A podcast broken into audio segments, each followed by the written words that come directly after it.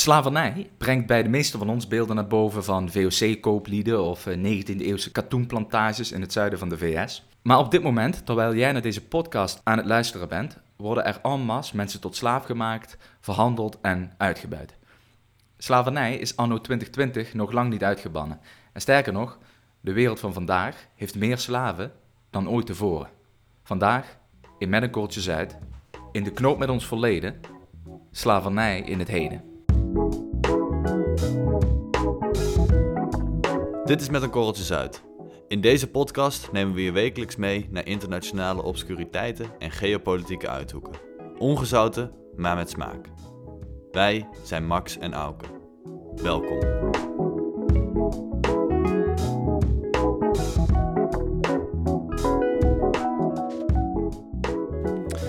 Hé, hey, maar we zeggen nu meer slaven dan ooit tevoren. Dat klinkt, uh, ja, dat klinkt vrij deprimerend. Is het ook wel, natuurlijk. Moeten we niet onderschatten. Maar laat ik het even een klein, klein beetje context geven.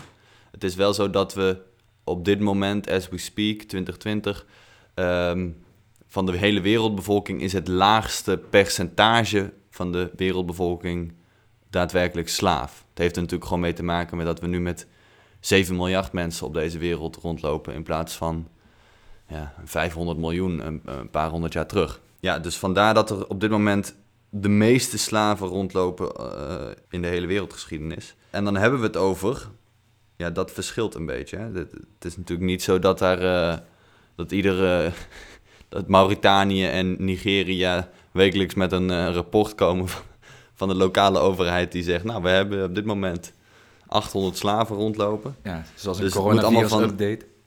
ja, precies. Nee, het komt allemaal wel van Amnesty International en de Verenigde Naties en dergelijke. Dus er wordt geschat tussen de 21 en 47 miljoen slaven. Loopt nogal behoorlijk uit, fors. ja. loopt, loopt trouwens wel nogal uit elkaar, die schatting. Ja, die, dit ligt natuurlijk heel erg aan de definitie die je hanteert voor slavernij. Of voor... Want hoe, zouden we, hoe, zou, hoe wordt slavernij gedefinieerd dan? Um, nou ja, dat, dat is al meteen een hele ingewikkelde vraag. Um, maar om te beginnen wordt um, slavernij natuurlijk van oudsher, uh, en dan heb ik het wel even over de juridische definitie van slavernij. Ja, dat, dat, dat is een definitie die is heel erg gericht op iets wat ze noemen chattel slavery.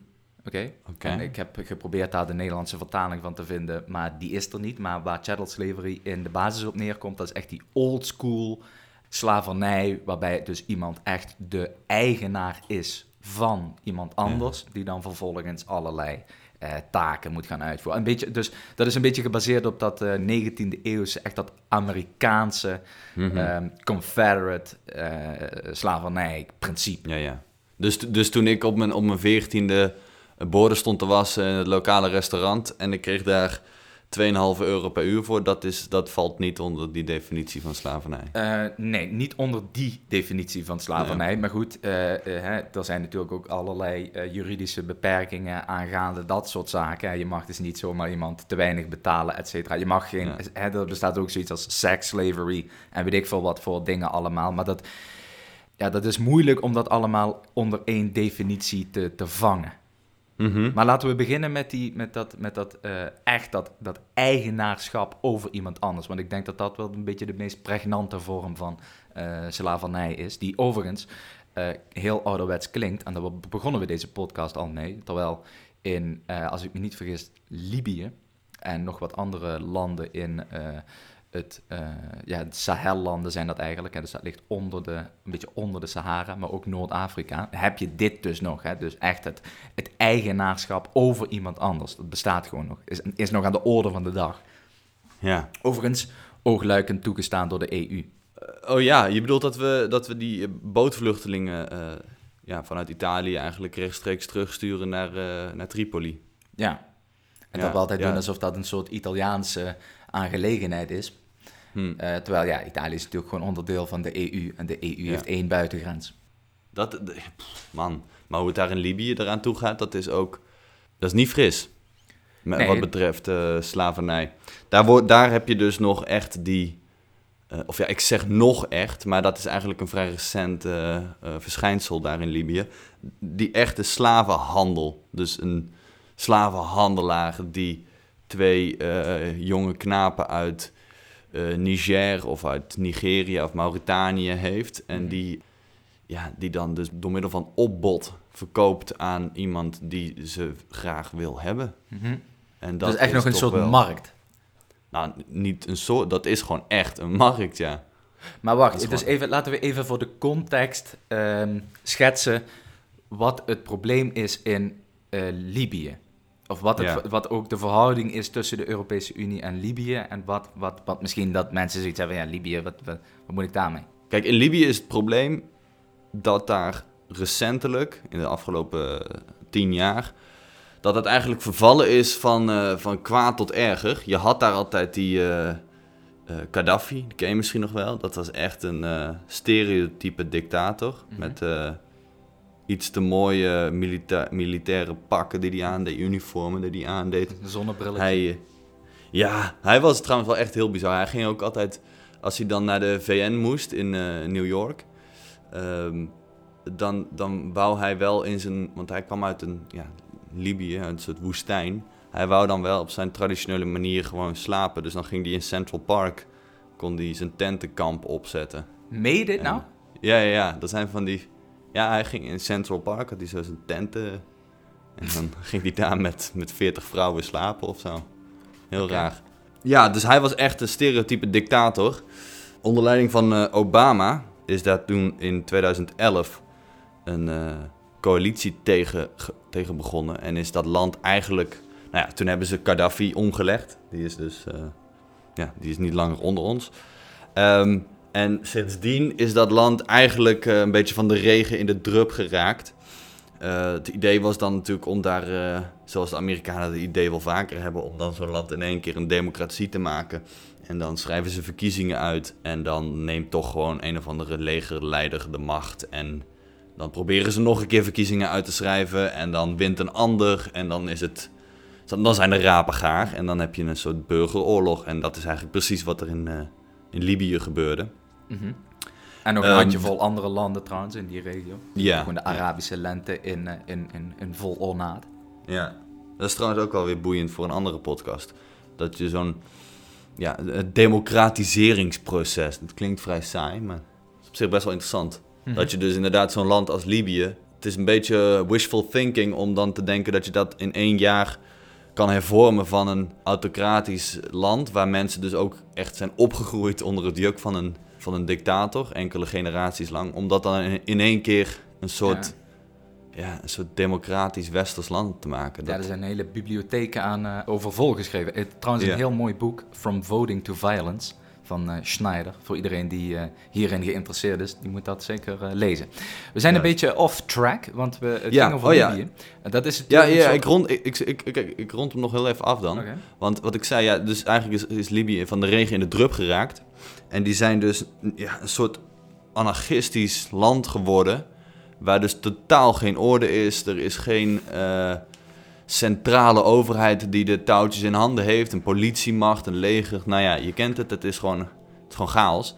En uit die chaos ontspringt dan een eh, samenleving waarin slavenhandel mogelijk is. En nu is het misschien ook wel handig om erbij te vertellen dat het eerste Europese plaatje maar een kilometer of, nou, wat is het, 100, 150 van eh, Libië af ligt, namelijk Lampedusa, het meest zuidelijke eiland van Italië. Hmm. Ja, En daar komen dus dan al die mensen aan en vervolgens willen wij dat niet en houden we die mensen tegen. Dus hè, de Europese Unie eh, en dus Italië als, eh, als, als, als voorman in die, in die onderhandelingen, die zeggen... Zouden jullie alsjeblieft die mensen aan de kust eh, willen houden? Want wij zitten hier met dat vluchtelingenprobleem. Dan krijgen jullie een zakje geld en dan moeten jullie ervoor zorgen dat wij niet zoveel last hebben van die vluchtelingen. Dat is in principe waar het op neerkomt, toch? ja. Maar eh, ja, dat is de afspraak in ieder geval. Ja. Ja, dus dat bedoelde ik eh, tien minuten geleden met eh, het woord oogluikend toegestaan door de EU. Dat daar dus een situatie ontstaat waarbij mensen gewoon verhandeld worden. Ja, want ze worden dus teruggestuurd naar Libië. Ja, wat ik net zei, een land zonder echt duidelijk bestuur. En geregeld vallen die jongens dan toch in, het, ja, in de val van slavernij. En wat gebeurt er dan vervolgens met die mannen? En worden ze verhandeld, verkocht. En dan ehm, kunnen ze ergens aan de bak. Kijk, het probleem is natuurlijk met slavernij dat niemand van tevoren denkt, nou, eh, ik ga me aanmelden bij het eh, consultatiebureau en ik word morgen slaaf. Nee, je, je, je- ja, het is natuurlijk iets waar je, Waar je ingerommeld wordt. ja, dus bijvoorbeeld een veel voorkomende techniek, of ja, het is eigenlijk niet eens een techniek, het is hartstikke simpel, is dat er gewoon een soort, ja, er komt een man in een dorp en het dorp is, is eh, echt tot op het bot toe arm en die zegt, jongens, wie wil er werk? En eh, ja, mensen die, die zijn wel een beetje wantrouwend en denken, ja, ik weet het niet, het is wel heel, eh, het- hè, bij- bijna te goed om waar te zijn. Ehm, maar ja, ondertussen kijk je naar je kinderen en die hebben eh, amper wat te eten. Je hebt eh, geen geld voor medicijnen. Hmm. Nou ja, dan ga je toch maar mee met die man. En dan, eh, voor je het weet, dan ben je, zi- zit je in zijn auto, ben je 100, 200, 1000 kilometer verder. Mhm. En dan eh, kun je daar aan de bak. Ja, En dit, is een, eh, dit is een beetje eh, hoe je ook... eh, ik weet niet of dit nou precies ook weer dat eh, echte chattel slavery is. Want volgens Mhm. mij is dit weer een andere vorm van slavernij. En die heet contract slavery. Ah ja. En eh, dat is iets wat je ziet in de Amazone. Of in, of in Thailand, maar ook in Nederland trouwens hoor, daar zullen we zo meteen op terugkomen. Maar bijvoorbeeld in het Amazonegebied, inderdaad wat je zegt, is een dorp. Mensen zijn hartstikke arm. En daar Mhm. is nogal wat werk, want er moeten eh, bomen gekapt worden en dan moeten eh, eh, mijnen leeggegraven worden, et cetera. En Allemaal werk waar handen voor nodig zijn. ja. En dan worden mensen inderdaad op een dusdanige afstand van hun huis geplaatst in erbarmelijke omstandigheden dat ze ook niet zomaar kunnen vluchten. Want ja, waar, waar ga je vluchten als je in het Amazonegebied zit?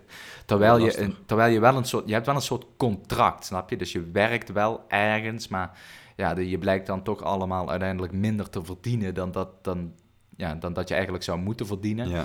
En eh, ja, vervolgens ben je een soort, eh, ja, je bent niet een soort, lo- ja, niet een soort loonslaaf, maar meer een soort, ja, een soort contractslaaf. Je hebt jezelf Te weinig loonslaaf. Ja, te wei- maar ook, je hebt jezelf in een soort eh, eh, systeem laten rommelen, waarbij je dus in heel veel gevallen wel dus nog juridisch gezien ergens in dienst bent, volgens Mhm. de hè, standaarden die daarbij horen. Maar in de Ja. praktijk eh, blijkt dat toch ja, niet zo te zijn. En in Thailand, Thailand is een land dat ja, de afgelopen 20, 30 jaar natuurlijk economisch gezien mega erg vooruit is gegaan. Mhm. Maar wel ten koste volgens veel eh, sociologen en eh, economen, et cetera, van de sociale eh, structuren in dat land. Want je hebt daar natuurlijk gewoon te maken met en masse uitbuiting. En natuurlijk ook, Mhm. wat je daar heel veel hebt, is ook seksslavernij natuurlijk. Mhm. Ehm, en dat is misschien ook een beetje te vergelijken met slavernij die we in Nederland nog hebben. Want er zijn mensen die zeggen, ja, op de Wallen heb je in Nederland nog slavernij. Mhm. Ehm, nu lopen die schattingen een beetje uiteen, omdat het nogal lastig is om uit te zoeken wie er nou wel een slaaf is en wie daar vrijwillig eh, staat. Ja. Maar dat valt in ieder geval volgens bepaalde definities ook onder een soort contractslavernij. Hè? Een contractuele seksslavernij op de wallen. Ja. Want je moet wel ja, het lastige, dat, ik denk wat je tegenwoordig probleem is, dat zie je dus in Amsterdam, maar dat zie je dus op, op een hele grote schaal in eh, landen als Qatar, ja, vooral Qatar, waar dus dat de WK al stadions worden gebouwd en dergelijke. Eh, dat, dat zeg maar, je, eh, de slaven komen echt uit totaal vreemde landen, dus dat zijn vaak Bengalis of Pakistanen. Mhm. eh, die dan worden gelokt naar Qatar. Hier kan je werken, maar dan is dus ook jouw verblijfsvergunning Mhm. gelieerd aan jouw werkgever. Ja.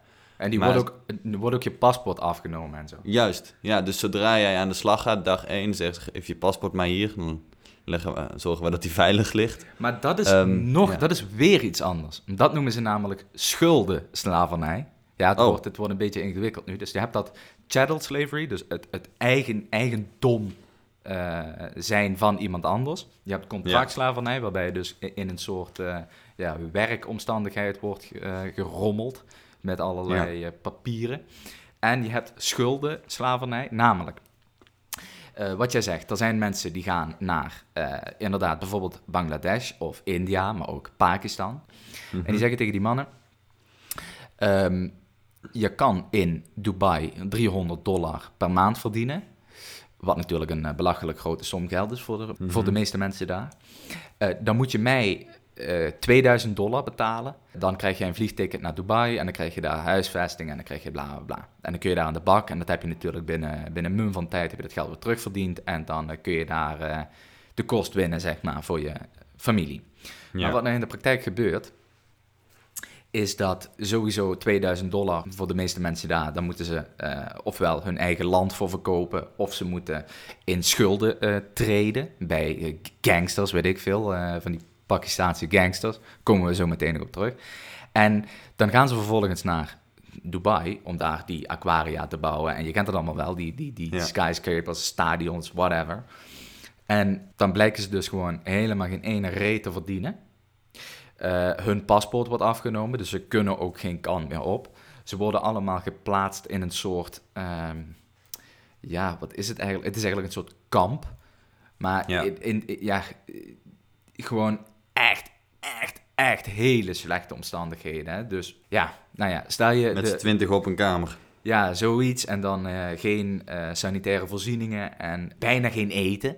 Ook dat ook niet, Ja. dat ze gewoon bijna niks te vreten hebben. Dus dat noemen ze schuldenslavernij. Dus ze hebben ook heel erg het idee dat zij die schulden nog moeten terugbetalen. Maar goed, omdat ze in die cirkel terechtkomen, kunnen ze nooit meer over die schulden heen komen. En zijn ze in een soort eh, debt trap. Snap je wat ik bedoel? Ja.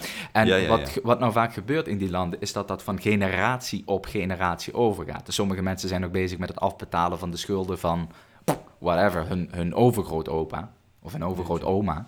En ja, dat gaat zomaar door en het gaat zomaar door. En nu wil het toeval dat we nu dus te maken hebben met die, dat coronavirus. En dat is in Mhm. Nederland, eh, begint dat weer een beetje eh, normale proporties aan te nemen wat betreft eh, het, het economische gedrag, wat wij erop nahouden. Met andere woorden, we doen en laten weer wat we voor de coronacrisis deden. Maar wat in Ja. Pakistan bijvoorbeeld is gebeurd, en in India, is dat mensen hun baan verloren. Vervolgens dus geen geld meer hadden om ook maar eh, hè, de minimale bestaansvoorzieningen eh, te kopen. Eten, drinken, water, whatever. En ze hebben dus geld moeten lenen van gangsters, hè, van die, laten we zeggen, maffia in die slums. En je zal dus zien dat zij eh, ja, dus niet meer van die schulden gaan afkomen in heel erg veel gevallen. Dus zij blijven dan vervolgens weer, eh, ja, eh, enslaved. Ik weet niet... Is het niet zo dat zeg maar, de werkgever en die ja, maffiabaas eigenlijk één en dezelfde persoon zijn? Dus dat ze zeggen, ja, je mag voor ons werken. hier, ik schiet jou die 2000 dollar voor. Dan moet je de komende maanden gaan werken. Dan kun je het afbetalen. En dan, als je het afbetaald hebt, dan ga je lekker voor je, eh, voor je eigen zakcentje verdienen. Nou, dat verschilt dus heel erg. Dus inderdaad, je hebt dit, dat dus je, eh, je baas en je, eh, je eigenaar, als het ware, dat dat een en dezelfde persoon is. Maar wat heel vaak gebeurt, is dat dat dus niet zo is. Dus dat je ook niet voor je debt kunt werken. Snap je wat ik bedoel? ja. Dus je kan niet bij je baas je eigen schuld terugverdienen, waardoor je dus extern je geld moet gaan verdienen. En dat geld zal altijd te weinig zijn om dat in één keer terug te betalen aan je schuldeisen. ja, ja, ja, ja.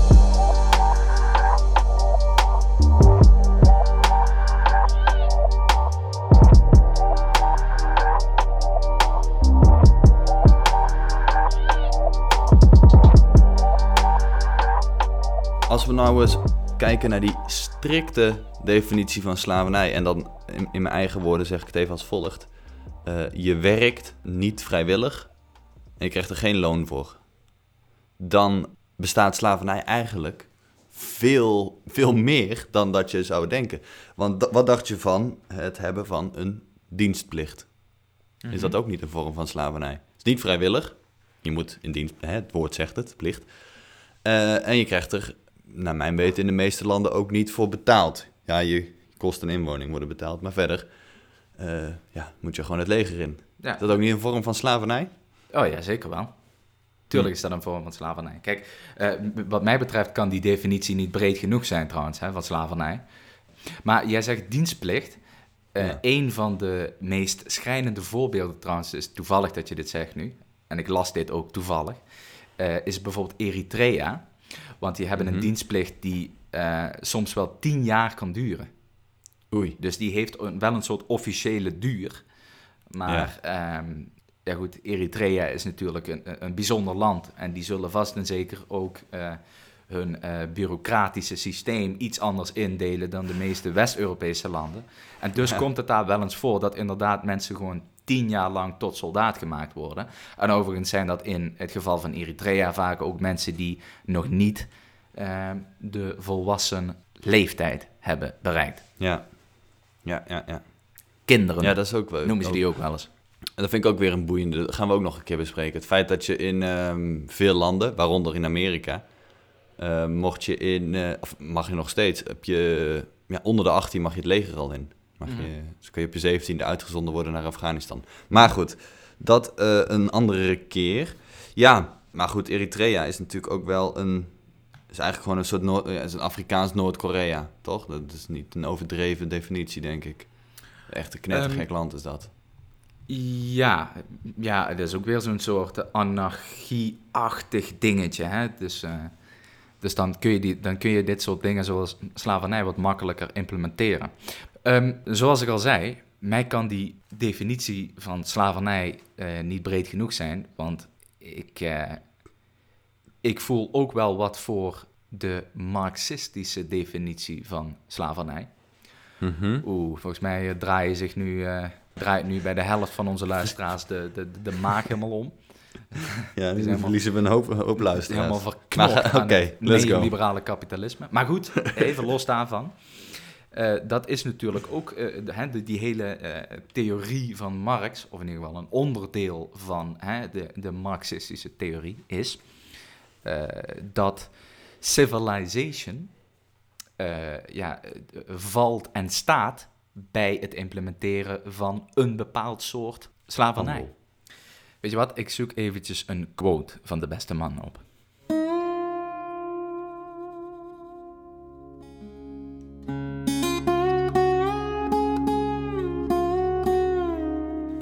It is the colonies that have created world trade, and world trade is the necessary condition for large scale machine industry. Slavery is therefore an economic category of paramount importance. Ehm, Oké, is een beetje natuurlijk, eh, is een beetje, is een beetje Mhm. fors, deze uitspraak natuurlijk. Want hij trekt hier een direct verband tussen slavernij en world capitalist economy. Ja. Maar ik denk dat daar wel wat in zit. Hey, en dan het volgende. Ja, ja, eh, ja, ik zei het net al, loonslaaf. Ligt natuurlijk een beetje in het verlengde hiervan. Ehm, ik zag deze week het, eh, ja, het, het schrijnende nieuwsartikel dat een, eh, in, in, in Seattle was het volgens mij. Een man was na enkele weken van de intensive care gehaald, eh, had corona gehad, had het overleefd. Nou, die werd onder applaus het ziekenhuis uitgerold. Ehm, maar de kop van het artikel was dat hij daar een eh, ziekenhuisrekening van 1,1 miljoen dollar aan had overgehouden. Mhm. Ehm, en eh, ja, dat kwam erop neer dat als je, als je voor een eh, minimumloon werkte, dat je dan 50 jaar non-stop moet werken, zonder enkele uitgaven, dan kun je dat afbetalen. Mhm. Dit doet mij een beetje denken aan dat schuldslavernij. Ja, dat, dat is het toch ook? Ja. Maar mm, ja, goed. Maar dat wordt dan denk ik niet gerekend onder de, eh, ja, de slavernijdefinitie van, van de 21 of 41 miljoen mensen die we op de wereld rond hebben lopen. Nee, dat denk ik niet. Maar je moet je voorstellen, kijk, ehm, je wordt dan inderdaad eh, natuurlijk een soort slaaf van je schuldeiser. Wie, aan wie moet die man eigenlijk die schulden betalen? Nou, aan het- ziekenhuis het- of hoe werkt dat? Het werd, ja, uiteindelijk wordt het ziekenhuis betaald krijgen, ja. ja. Het was ik- een beetje genuanceerd. Hij was wel eh, enigszins verzekerd. Hij hoefde niet die 1,1 miljoen helemaal zelf te betalen. Ehm, maar goed, goed, zeg dat hij 10% zelf moet betalen, vind ik nog steeds een vrij forse som. Ja, 100, eh, 110.000 110.000 euro. Maar eh, eh, kijk, de theorie daarachter zal wel zijn van ja, goed, hij kiest er toch zelf voor om behandeld te worden in een ziekenhuis, bla bla bla. Maar ja, Maar goed, zijn we dan... Nou ja, kijk, ook in Nederland heb je het natuurlijk als jij alleenstaand bent en je werkt voor een minimumloon, en dat zijn toch best wel wat mensen, ehm, dan heb je het pittig hoor. Dan krijg je maar moeilijk een huurhuis. Een koophuis krijgen is dan al helemaal niet te doen. Ehm, ah, valt dat, dat is dan toch ook, dan ben je toch ook, ja, ja, dan ben je, zoals ze dat noemen, slaaf van het systeem. Ja, Dus om je kop boven water te houden, moet je eh, ja, meedraaien in een, eh, in een soort molen. ja. En ja, dat is, is dat niet een beetje de. ehm, ja, hoe noemen ze dat? Hoe, hoe noemen poëten dat? Is dat niet een beetje de, tragische, de tragische realiteit van dit, eh, van, dit van dit bestaan? Mhm. Ja, misschien wel.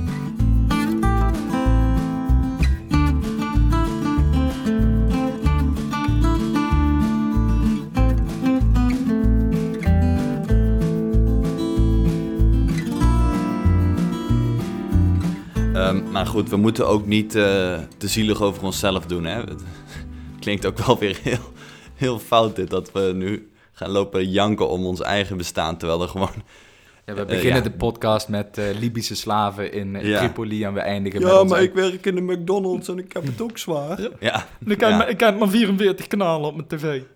Ehm, nee, er zijn natuurlijk gewoon nog steeds miljoenen slaven die, die echt slaaf zijn en die hier op aarde rondlopen. Ehm, en ja, het probleem voor die mensen is dat ze gevangen zitten eigenlijk in dat, in dat systeem, in, de, in die slavernij. Hoe kunnen die mensen daaruit ge- gehaald worden? Hoe kunnen ze daaruit getrokken worden? Ehm, daar zijn veel theorieën over hoor. Ehm, maar de meest gangbare theorie is dat je ze niet vrij moet kopen. Want dat kan natuurlijk, hè. Je kan een slaaf...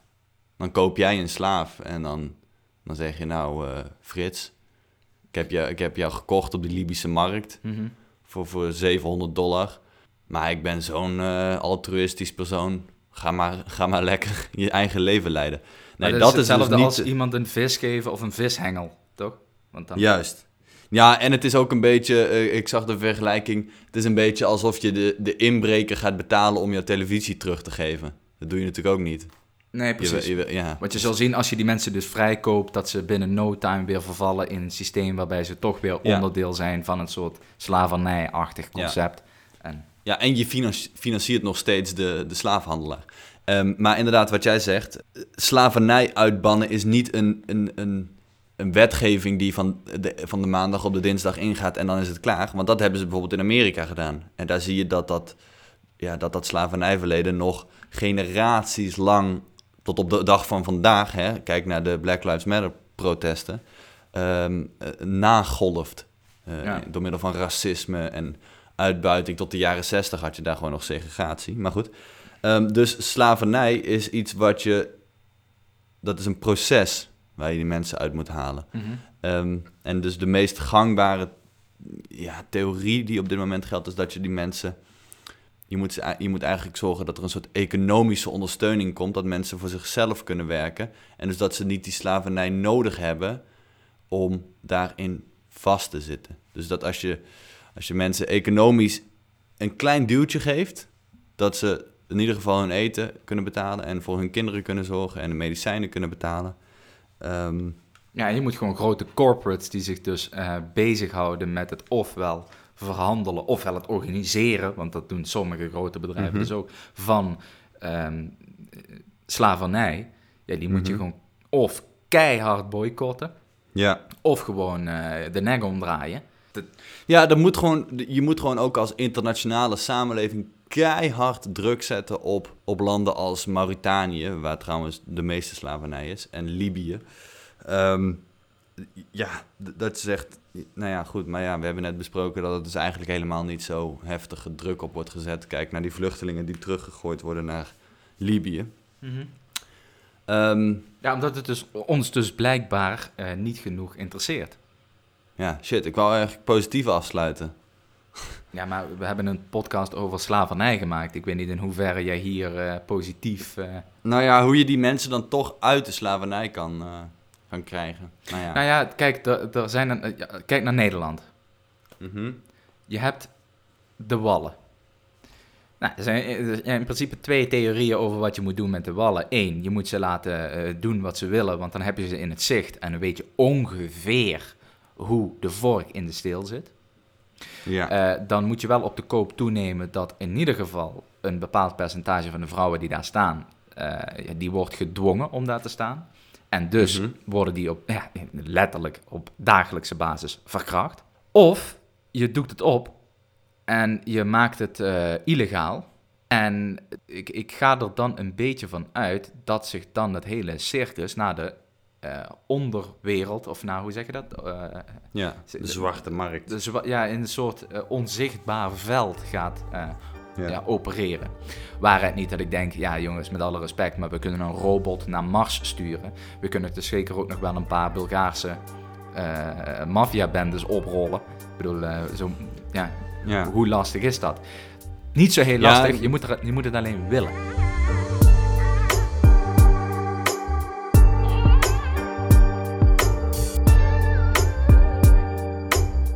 Ja, het blijft schrijnend. Ehm, en, en voor de mensen die nu denken, ja, maar jullie hebben het nog niet gehad over die Amerikaanse eh, gevangenisslaven. Want dat is zeker waar, mensen. Ehm, eh, ja, klopt, hebben we het niet over gehad. Ehm, want dat vond, vonden we eigenlijk wel een, een aparte aflevering voor zichzelf. Dus die staat nog op de boekenplank of in de ijskast. Eh, die komt er nog ooit een keer aan. Gaan we het daarover hebben. Maar voor vandaag was dit het. Voor deze week was dit het. Volgende week trekken we weer iets anders uit de kast. Iets nieuws, iets eigenaardigs, iets obscuurs op het gebied van de geopolitiek. En dan hopen we jullie volgende week weer te mogen ontvangen op dit kanaal. Vergeet niet te abonneren op, eh, op Spotify, op je, op je iTunes podcast app. Want dan vliegen wij iedere week op die dinsdag zo die telefoon van je in. Dit, dit horen mensen trouwens echt twaalf keer per dag. Hè. Vergeet niet te abonneren. Maar... eh, Ja, maar mensen vergeten dat te vaak. Ja, precies. De- dus je moet ze blijven attenderen. Dus dames en heren, jongens en meisjes, luister nou eens even goed. Kijk nou even naar je telefoon, haal hem even uit je broekzak en druk op het knopje abonneren. Zo lastig is dat allemaal niet. Druk gewoon op het knopje abonneer, dan worden wij blij en dan word jij volgende week dinsdag weer blij, want dan staat er gewoon weer een nieuwe podcast. Dames en heren, u wordt bedankt.